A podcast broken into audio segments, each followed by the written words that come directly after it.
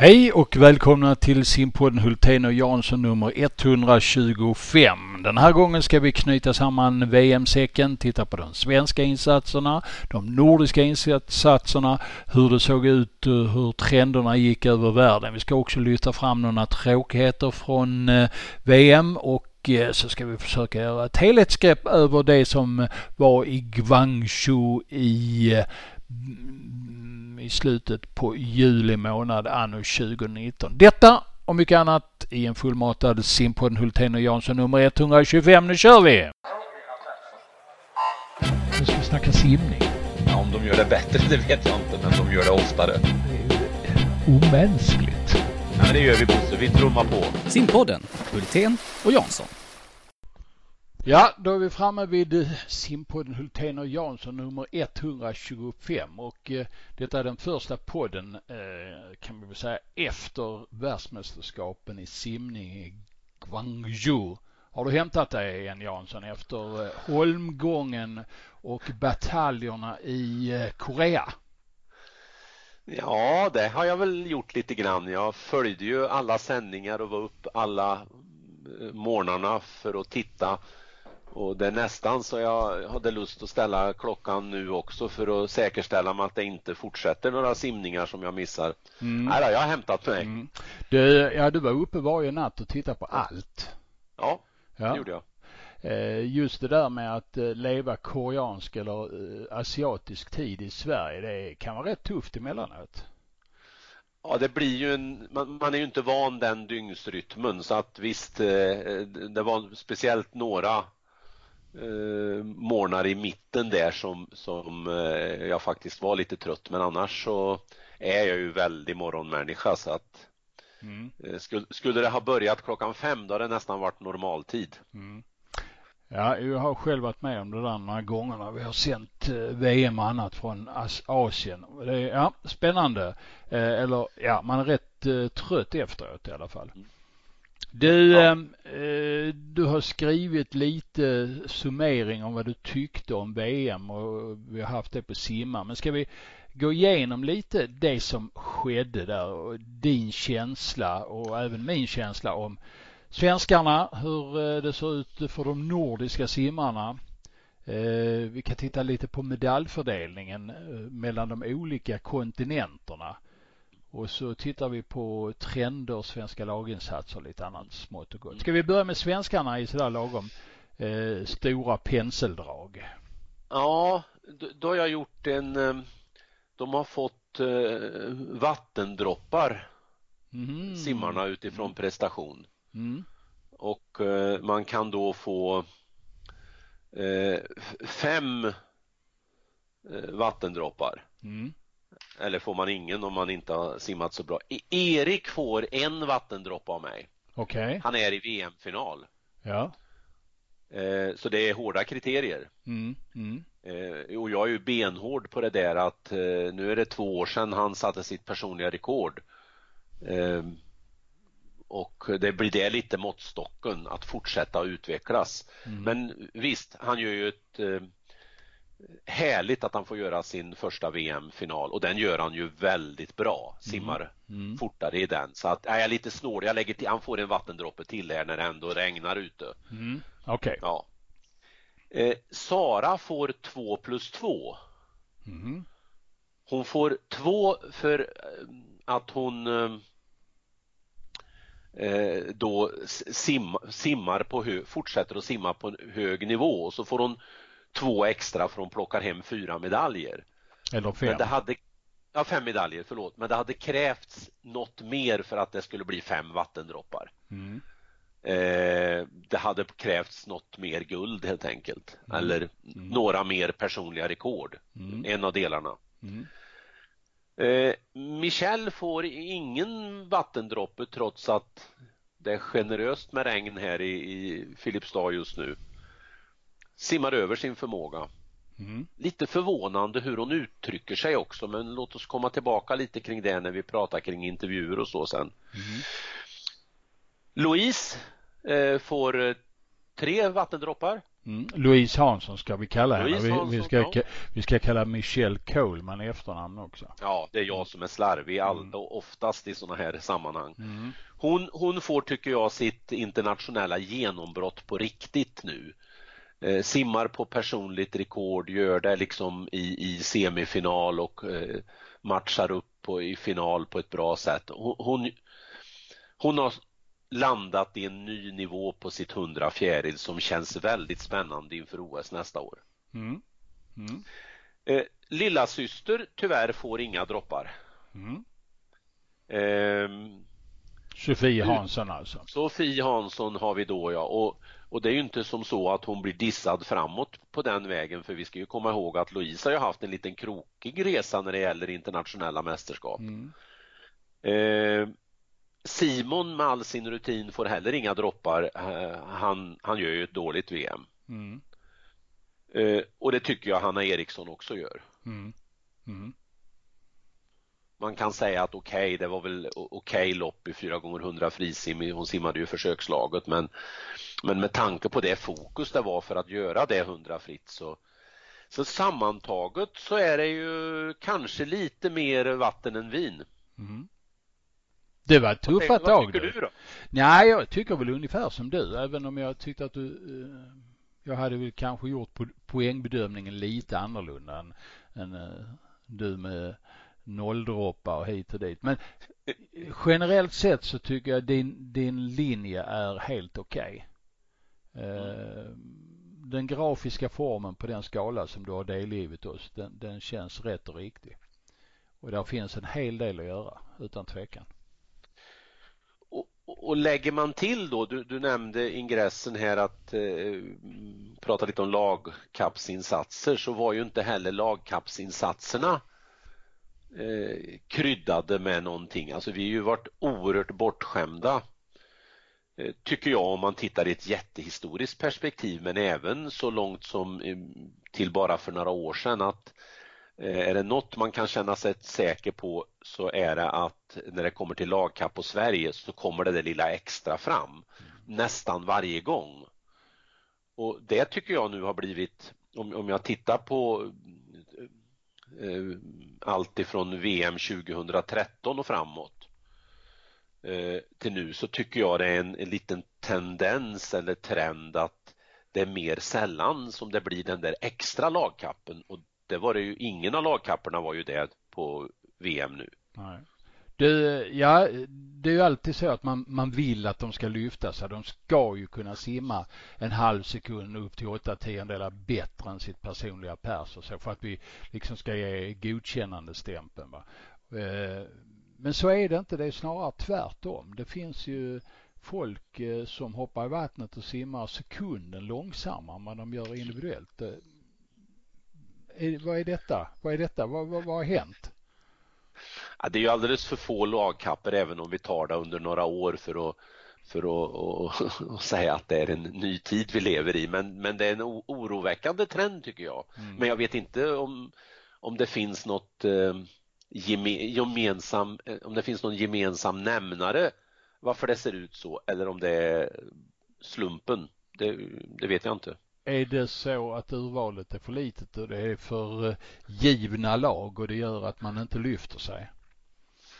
Nej, det, det tror jag inte. Det skulle jag ju snarare, jag skulle nästan vilja vända på det och tänka lite åt kanadahållet att det är bra med givna lag. Eh, Nej, jag, jag, jag, vet inte. Om vi tittar på medellaget så, så eh, medellaget damer, för det fanns ju ett sånt där och så fanns ett 4 gånger 100 frisimslag. Då kändes det som om raceplanen och laguppställningen definitivt inte var klar eh, innan försökstävlingarna och eh, inte heller direkt efter eh, försöken. Det kändes eh, en oro i luft om att, ja vilket lag ska vi ha? Och jag, jag, förstår det ju å ena sidan utifrån att vi hade ett antal olika matematiska kombinationer att spela med som inte gav jättestora skillnader. Men just i medellagkapp tycker jag det är extra viktigt när vi inte har någon given ryggsimmerska, någon som liksom alltid toppar för att vara bra på just ryggsim då är det extra viktigt tycker jag att man tidigt bestämmer vem ska vara ryggsimmare, vem ska göra det lilla extra i ryggsimslagkappen. Eh, vår, vår känsla, eller min känsla var i alla fall att eh, man skulle spelat ut Louise Hansson på ryggsimmet. Eh, Sofie Hansson på bröstsimmet och sen skulle man haft Sara på fjärilsim och eh, Michelle på frisimmet.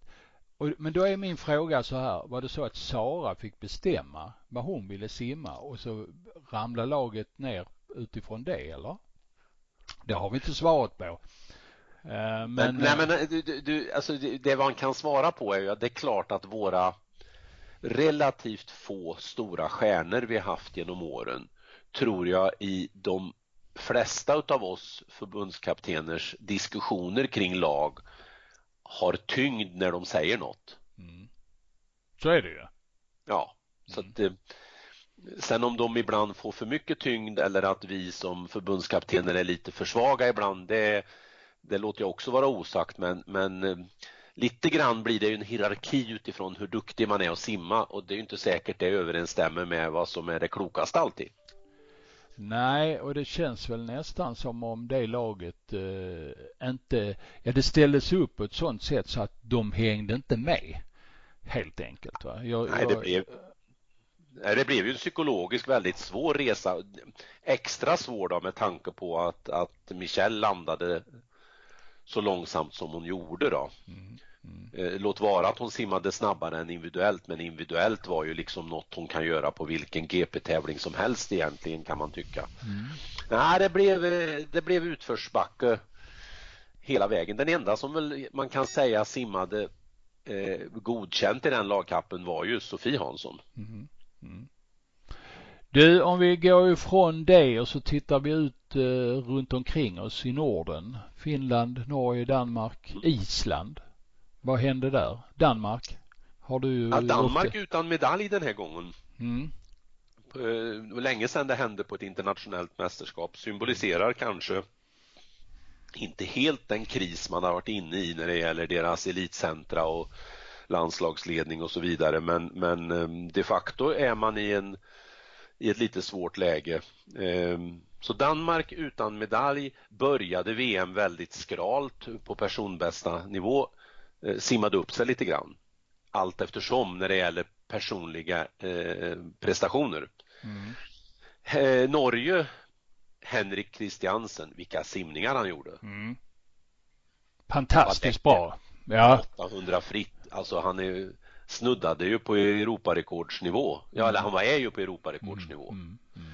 Eh, sen hade de en del andra bra simningar på, på fina personliga rekord och sen hade de också någon sjukdom i truppen. Nu kommer jag inte ihåg om det var vass. Ja, det var det. En av deras bättre bakom mm. var, började VM med att vara sjuk men, men Norge tror jag åkte hem oerhört förnöjda och inte då bara på grund av Henrik Christiansen. Mm. Finland då? Ja, Finland har, har, jag ju under några år trott skulle helt plötsligt börja märkas på sådana här tävlingar men steget från att märkas på ett kortbane-EM till ett långbane-VM det är stort. Mm. Eh, så att de har en lång resa kvar. Och Island la jag inte, jag såg ju att de hade en trupp där men jag har inga övriga kommentarer just nu. Nej. Ehm, och så blickar vi ut ännu mer ut eh, över Europa. Och eh, vad säger vi där för någonting? Ja, man kan ju leka med statistik åt olika håll och då, då valde jag att låta USA bli en egen eh, kontinent. kontinent mm. på det. Därför att USA på ett vis speglar ganska väl Europa vad gäller eh, deras delstater kontra nationer i Europa eh, hyfsat nära när det gäller eh, människor som bor där, bassänger etc. Va? Och sen tog jag övriga kontinenter i form av Europa då, Asien, Australien och Nya Zeeland och det kan vi väl säga är Oceanien på ett vis. Mm. Övriga Amerika, alltså Sydamerika plus Kanada.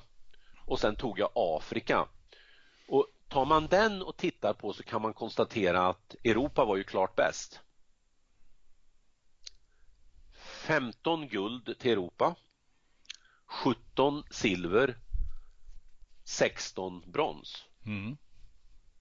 Eh, att jämföra med då till exempel USA 14 guld, 8 silver och 5 brons. Mm. Och när vi gjorde en, en match Europa-USA för eh, två år sedan på VM då, då vann ju USA till slut. Mm. Så USA tror jag inte var lika nöjda som, som eh, ja, det är klart de var nöjda med enstaka insatser men jag tror de hade förväntat sig mer. Tittar vi på Asien som vi har flaggat för, eller jag har flaggat för mycket inför OS nästa år så tycker jag att det blir ganska skralt utfall. Eh, Japan var ju riktigt dåliga. Två guld i och för sig i form av två 400 medley. Mm, men det var där jag sett det, men. Ja. Nej, det, det, det lyfte inte för dem och inte för Kina heller egentligen. Nej. Fem guld, fyra silver, fyra brons för den kontinenten. Mm. Eh, tittar vi sen på Australien eller Oceanien. Eh, fem guld, nio silver, sex brons. Lägger man där till befolkningsmängder så sticker de ju ut väldigt. Mm. Då gör de ju ett oerhört bra mästerskap om, om det skulle vara kriteriet.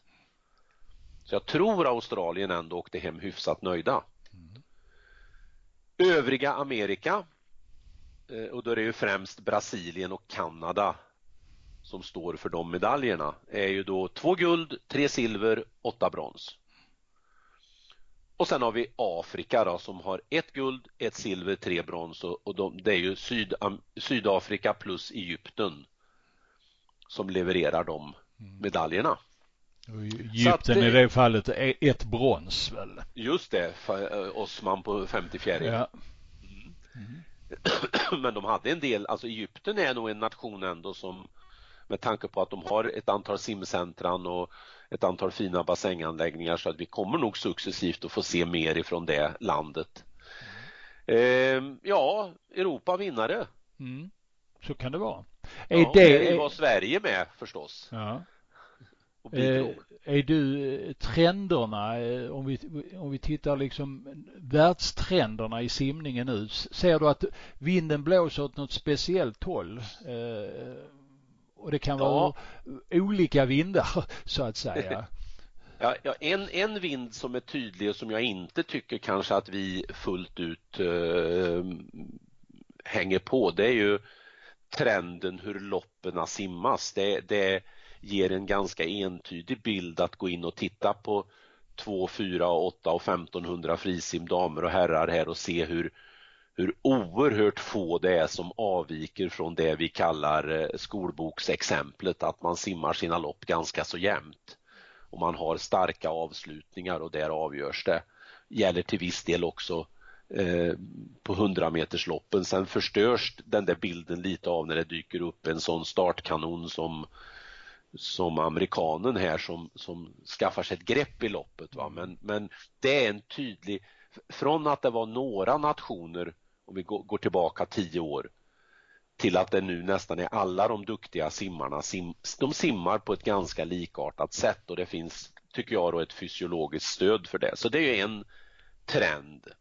Eh, en annan trend är ju att det är många nationer som inte skickar större trupper. Mm.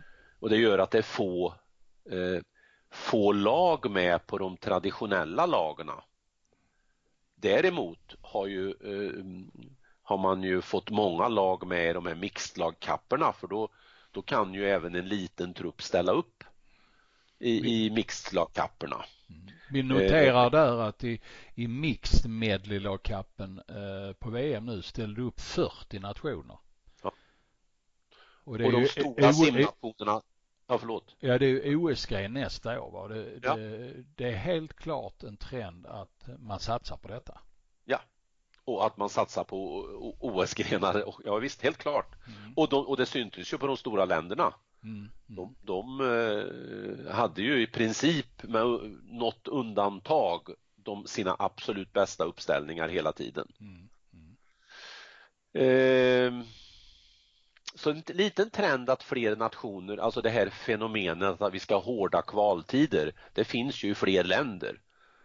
Och, och det tror jag det, det, kan vara en fara för, för världssimningen om det blir en alltför elitistisk tillställning. Mm. Så det gäller att värna om eh, mångfalden på ett världsmästerskap. Mm. Ja, hur, när du säger så, vad, vad, vad, menar du då? Eh, och vilka faror ser du i det sammanhanget när du uttrycker dig på det sättet? Jo, men vill vi kalla oss, eller inte vill vi kalla oss, vi är en global idrott. Alltså vi, det var ju över 190 länder med.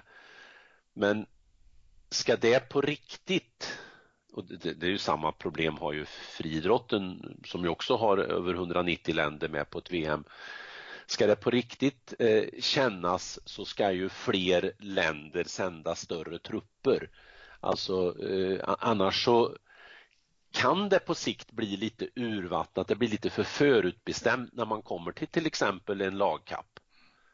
Det var i princip eh, tio länder som kunde ta finalplatserna. Mm.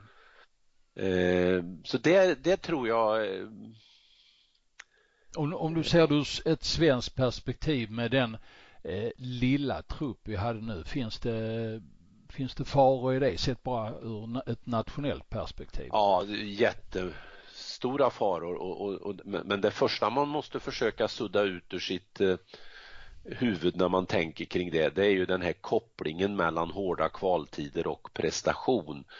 Alltså man måste faktiskt eh, acceptera att prestation är kopplat till vad du har tränat, hur du har tränat, hur rätt du har gjort. Mm. Oaktat vad en kvaltid är. Nej men sen ser jag en fara att, eh, att inte vara med på lagkapper. Jag saknade ju och tror att det kanske påverkar en laginsats att det var så få simmare med. Mm. Alltså det har kanske blivit mer energi in i truppen. Det är kanske ett, ett flummigt sätt att uttrycka sig men, men, men någonstans så tror jag det är en fara att det blir bara några få som åker iväg. Eh, dels en fara för att det blir väldigt ouppnåeligt för många och då kanske en del ger upp sin kamp att, att nå en, en eh, landslagsplats. Och sen att det blir lite förutbestämt hur resultaten ska bli nästan. Mm. Ehm, så att vi, vi, de här överraskningarna, de här extra kul grejerna som kan uppstå när det är en, en trupp på en 15-16 man, de, de, de utesluts ju nästan på, på det här viset. Så att, nej, det är flera faror. Och sen är det ju så här eftersom det är väldigt mycket exponering i media. Man sänder försök och man sänder finaler. att Ja, är det inga svenskar med i försöken? Finns det någon anledning då som svensk att sitta och titta på tre timmars försök om det är en svensk eller två svenskar med? Nej, kanske inte. Nej men du, du, visst är det så. Jag har flera bekanta som, som ju valde bort att titta på försöken just av det skälet du säger. Annars hade de gått upp. Mm. Men då tänkte jag det lilla, det kan jag, då, då bevakar jag det efterhand. Mm. Då, då, tar jag det, de loppen när jag äter frukost sen. Mm. Och, och vet, vet jag då eh, redan från dag ett ungefär hur, hur strömningarna går och vet att eh, den där ensamma simmaren som simmar på morgonen mitt i natten eh, den fjärde dagen inte är i form då, ja, då är, alltså det bromsar ju intresse. Jag tror, alltså jag tror det är väldigt viktigt att svensk simning också visar att vi vill vara med. Eh, jag skrev så här i någon artikel här efter när jag trodde att vi kan bli 13-14 eh, simmar på OS nästa år. Ja, det är ju egentligen frågan eh, för Eh, när det är SOK som ska betala, ska vi ha 14 simmare med då? Och när det är simförbundet som betalar, ska vi ha 7 simmare med?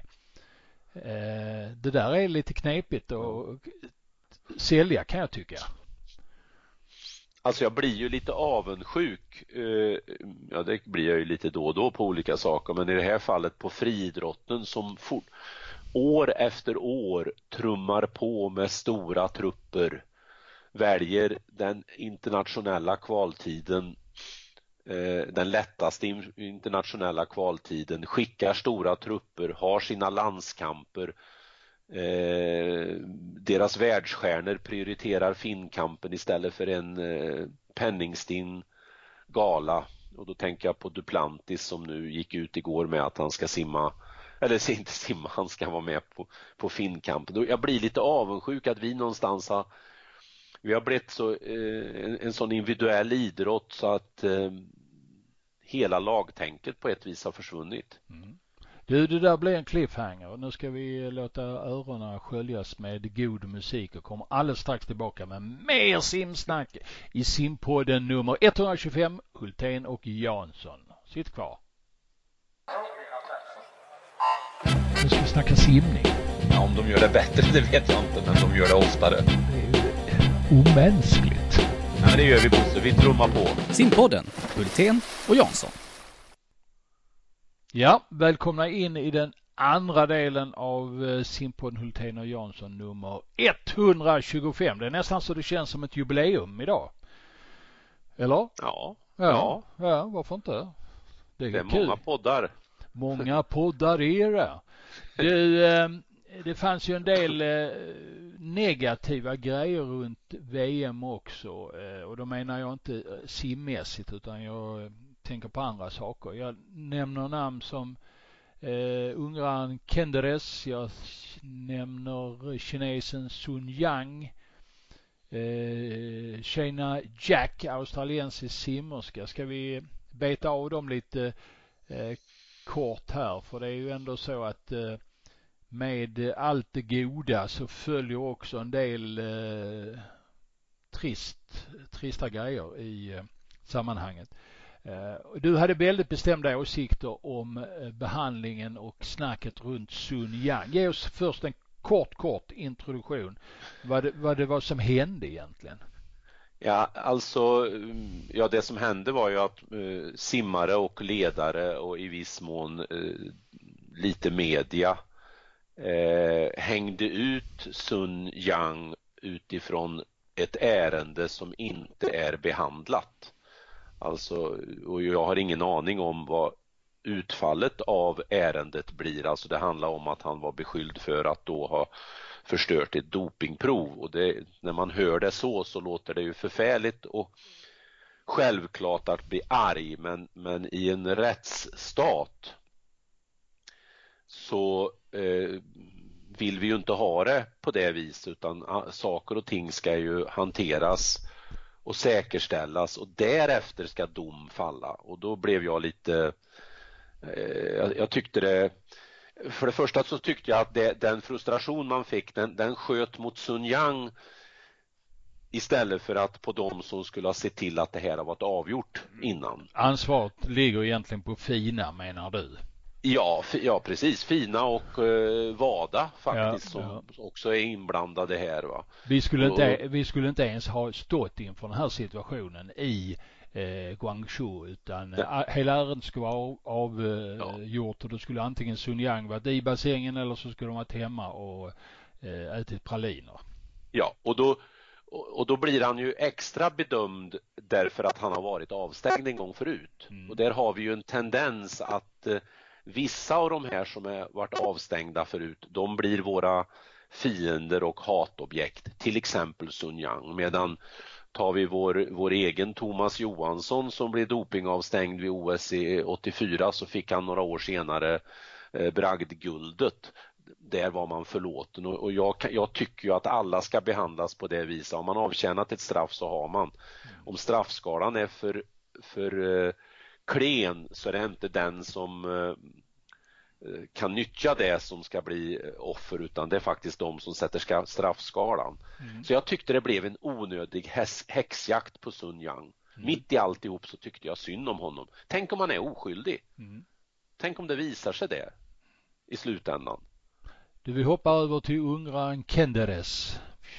Vad Ja, han blev ju då fångad av polis på ett nattklubbsbesök tror jag det var därför att han hade gjort ett otillbörligt närmande mot en eh, kvinna eller om det var flera och blev ju kvarhållen och ehm, eh, om jag förstod rätt fick åka hem senare till, till Ungern än, än övriga truppen. Så att han har nog troligtvis repressalier att vänta hemma i Ungern också. Så det, det är ju trist i, i dessa tider att, att eh, det ska gå till på det viset. Cheyenne Jacks, australiensiska.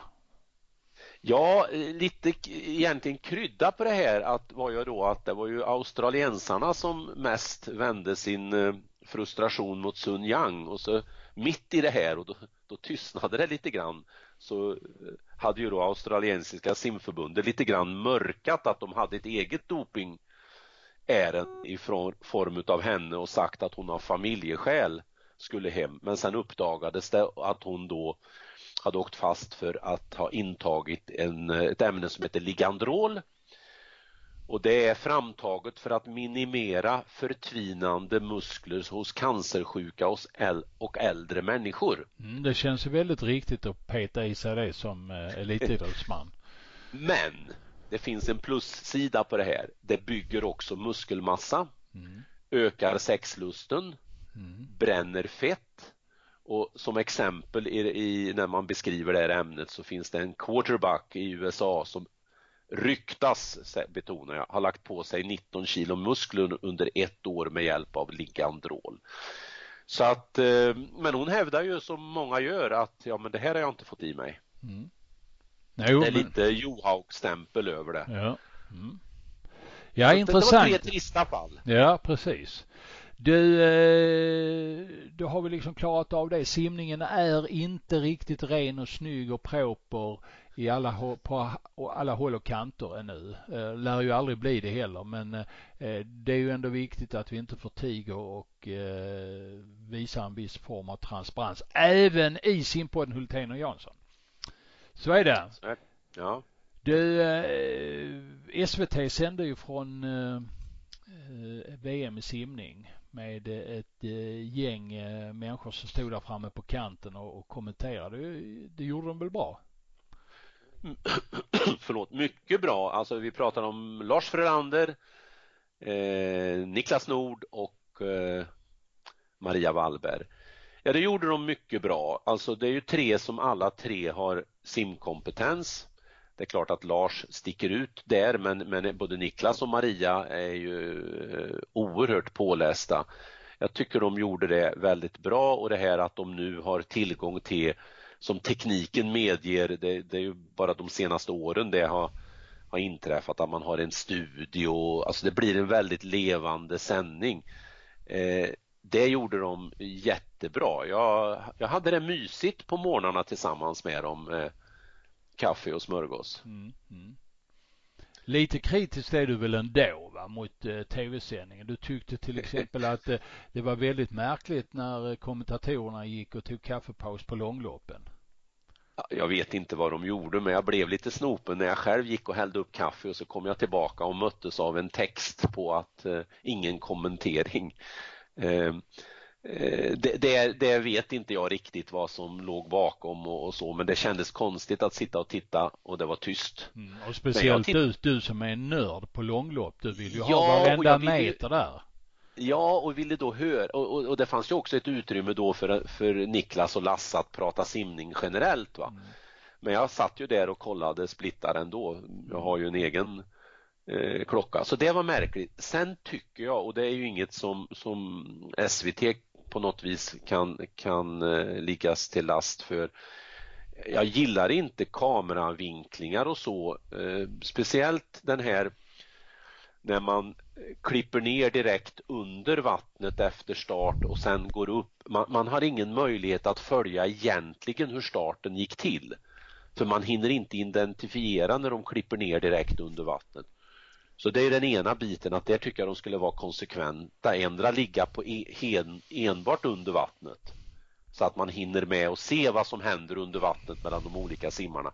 Eller ligga bara ovan vattnet. Mm nu hade jag, nu fick jag titta liksom och så gå in, var det några saker jag var nyfiken på, ja då fick jag gå in på play sen och så titta och se om jag, men det var jättesvårt.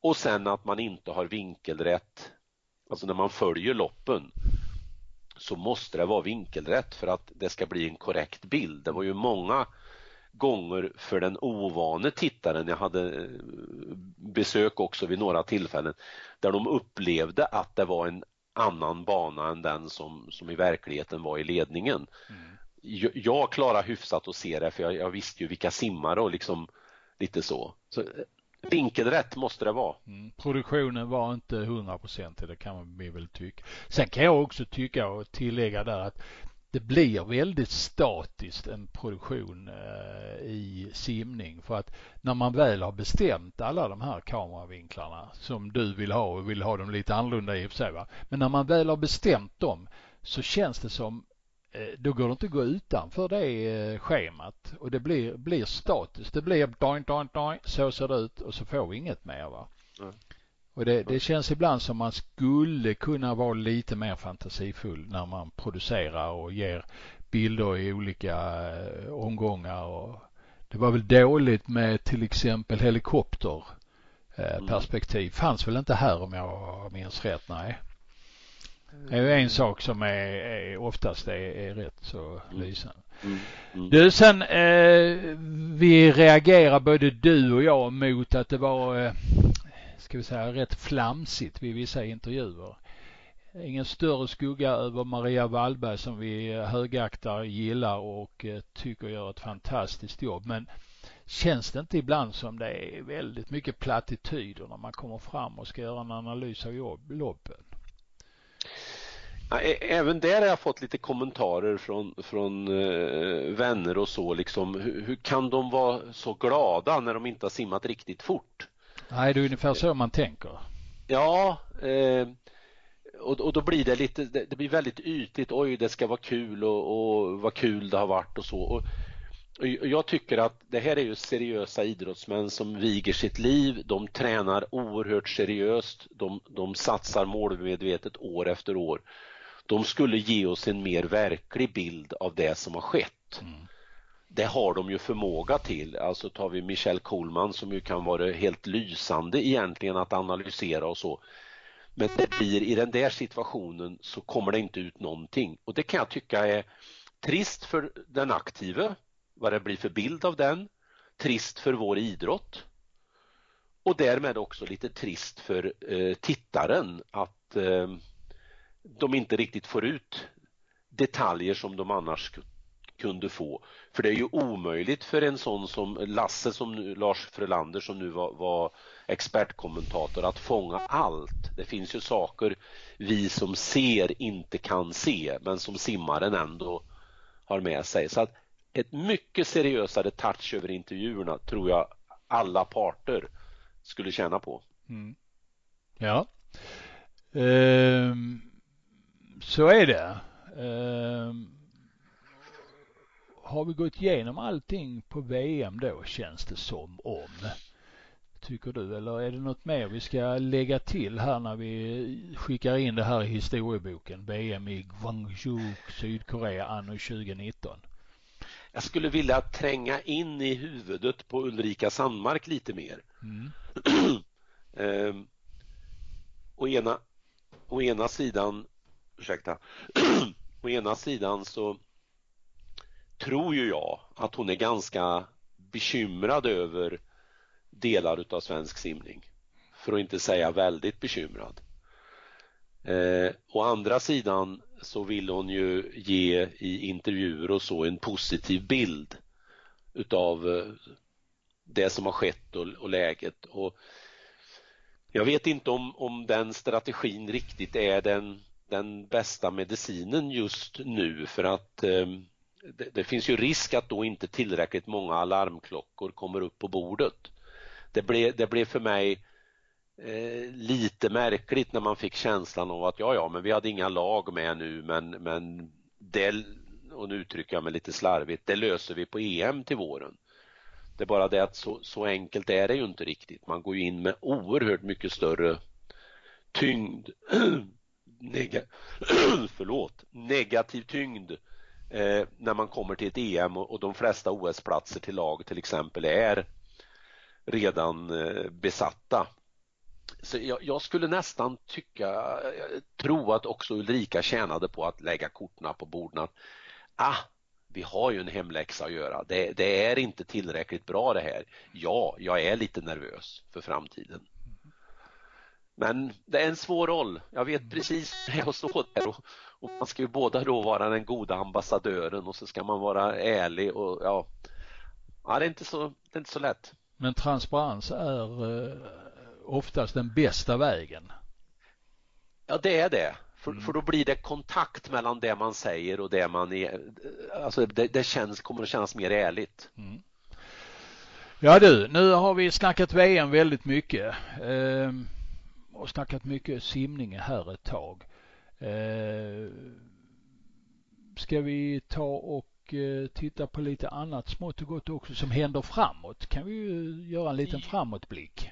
Händer framåt och händer nu. Vi har ju mm. nyss genomfört första världskuppen. Mm. Gick ju i Tokyo. Mm. Vi hade ju tre svenskar på plats. Mm. Michelle Kohlman som var simmade lite, lite snabbare på världscupen än hon gjorde på, eh, på VM. Mm. Fick ju till och med med sig ett personligt rekord på 50 frisim. Eh, kanske indikerar lite vad vi, du och jag var inne på vid något tillfälle att hon kanske är lite tävlingsovan ändå eh, i, i efterbörden utav skadan och allt det här. Men fick bra placeringar, vann ju bland annat eh, 100 frisim, nej 50 frisim. Eh, sen simmade ju Sofia Hansson inte så fort på sina bröstsimsträckor och eh, Louise Hansson var väl också lite trött efter VM och det kan jag förstå efter den otroligt fina säsong hon har haft från amerikanska eh, NCAA i våras eh, och fram till och med nu. Men hon vinner World Cup? Hon vinner World Cup, jajamän. Och det skojar man inte bort i första? Nej, Nej, det gör man inte. Så det är kul att vi är med där och så fortsätter det väl i Kina idag. Ja, det är ju ett, eh, ska vi kalla det ett cluster med asiatiska eh, tävlingar nu. Tokyo, Jinjiang i Kina eh, nu 8, 9, 10 augusti och sen är det Singapore 15, 16, 17. Sen så tar World Cup ledigt ett tag och så återuppstår den likt fågel Fenix i Europa och finns då i Budapest i början på oktober och veckan efter i Berlin och sen så gör den ett litet stopp igen och sen så ska vi till sådana här traditionella ställen som Kazan och Doha.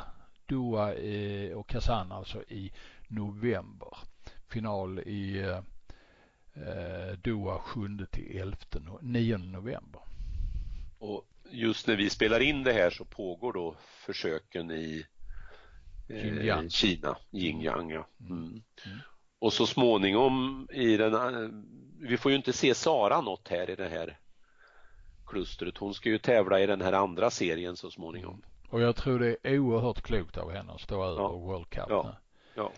Och jag sku, hade jag varit Sara Sjöström så skulle jag matchat mig väldigt försiktigt under hösten här och träna riktigt ordentligt. Eh, för att eh, ta det där språnget ja, nästa år. Ja, både träna och kanske också få um, ro i huvudet att inte mm. behöva vara på tårna. Nej, precis. För det är klart, lägger man ihop alla de här loppen hon har simmat de senaste 12 månaderna på i stort sett världsnivå, lopp eller lopp. Vi pratar ju inte 10 lopp. Vi pratar inte 20 lopp. Hon har, hon har tänka nästan gjort hundra lopp. Ja, minst. Ja, det, det är helt, helt sanslöst imponerande. Mm. mm. Så det, det, det är nog också bra mm. att hon, hon får den ron. Absolut. Du, eh, sen är det junior-VM också i simning. Mm. Som simmas, eh, simmas lite senare i augusti månad. I Budapest va? Eh, så är det väl va? Mm. Ja, nu blir jag osäker. Det är i alla fall Robin Hansson som ju gjorde ett väldigt bra EJM och ett eh, väldigt fint 200 frisim var ju där och nuddade i Anders Holmerts eh, svenska rekord bara två tiondelar över. För övrigt en tid som hade nästan gett honom semifinalplats på VM. Nej, det var fjor, det... hade gett 14 plats på, ja, exakt. på VM. Julia Månsson också ska till. Mm. Eh, som tvärt Robin hade ett tungt EJM. Mm. Eh, så det ska bli jättespännande. Det är väl nästa veckoslut som det går. Mm, 2025 i augusti ja. och det är då i Budapest precis som du säger. Ja. Och det är ju så att de här tävlingarna de hamnar i Kina, Ungern, Japan, eh, Qatar och så. Det har vi snackat om tidigare och nu delar man ut två VM till och eh, de landar ju i Budapest och Kazan. Uh, ja, mm. så är det.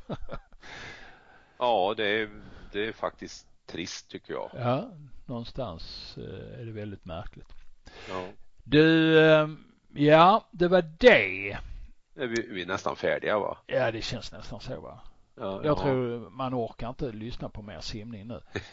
Eller jo, simning orkar man säkert lyssna på. Men på oss. Det är på oss. Nej, just det, det är på oss. Så det är det. begränsningen kommer. Ja, ja. Ja, det, ja men vad bra. verkligheten. Ja. ja, men eh, då slår vi igen butiken nu. Simpodden Hultén och Jansson nummer 125 inledde alltså höstterminen om vi kan uttrycka oss så eh, i den här simpoddvärlden och eh, hoppas ni alla får en eh, trevlig vecka, trevlig helg och var ni nu befinner er så hörs vi alldeles snart igen. Ha det gött! Nu ska vi snacka simning. Om de gör det bättre det vet jag inte, men de gör det oftare. Det är ju omänskligt. Ja, men det gör vi Bosse, vi trummar på. Simpodden, Hultén och Jansson. Du har hört en eh, podd från eh, Simma AB. Simpodden Hultén och Jansson är öppen för dig som eh, vill annonsera, vill göra reklam för dina produkter. Hör av dig, mejla till simma telia.com så ska vi presentera lite idéer för dig. Välkomna att eh, lyssna till simpodden 126 som kommer inom någon vecka. Tack och hej!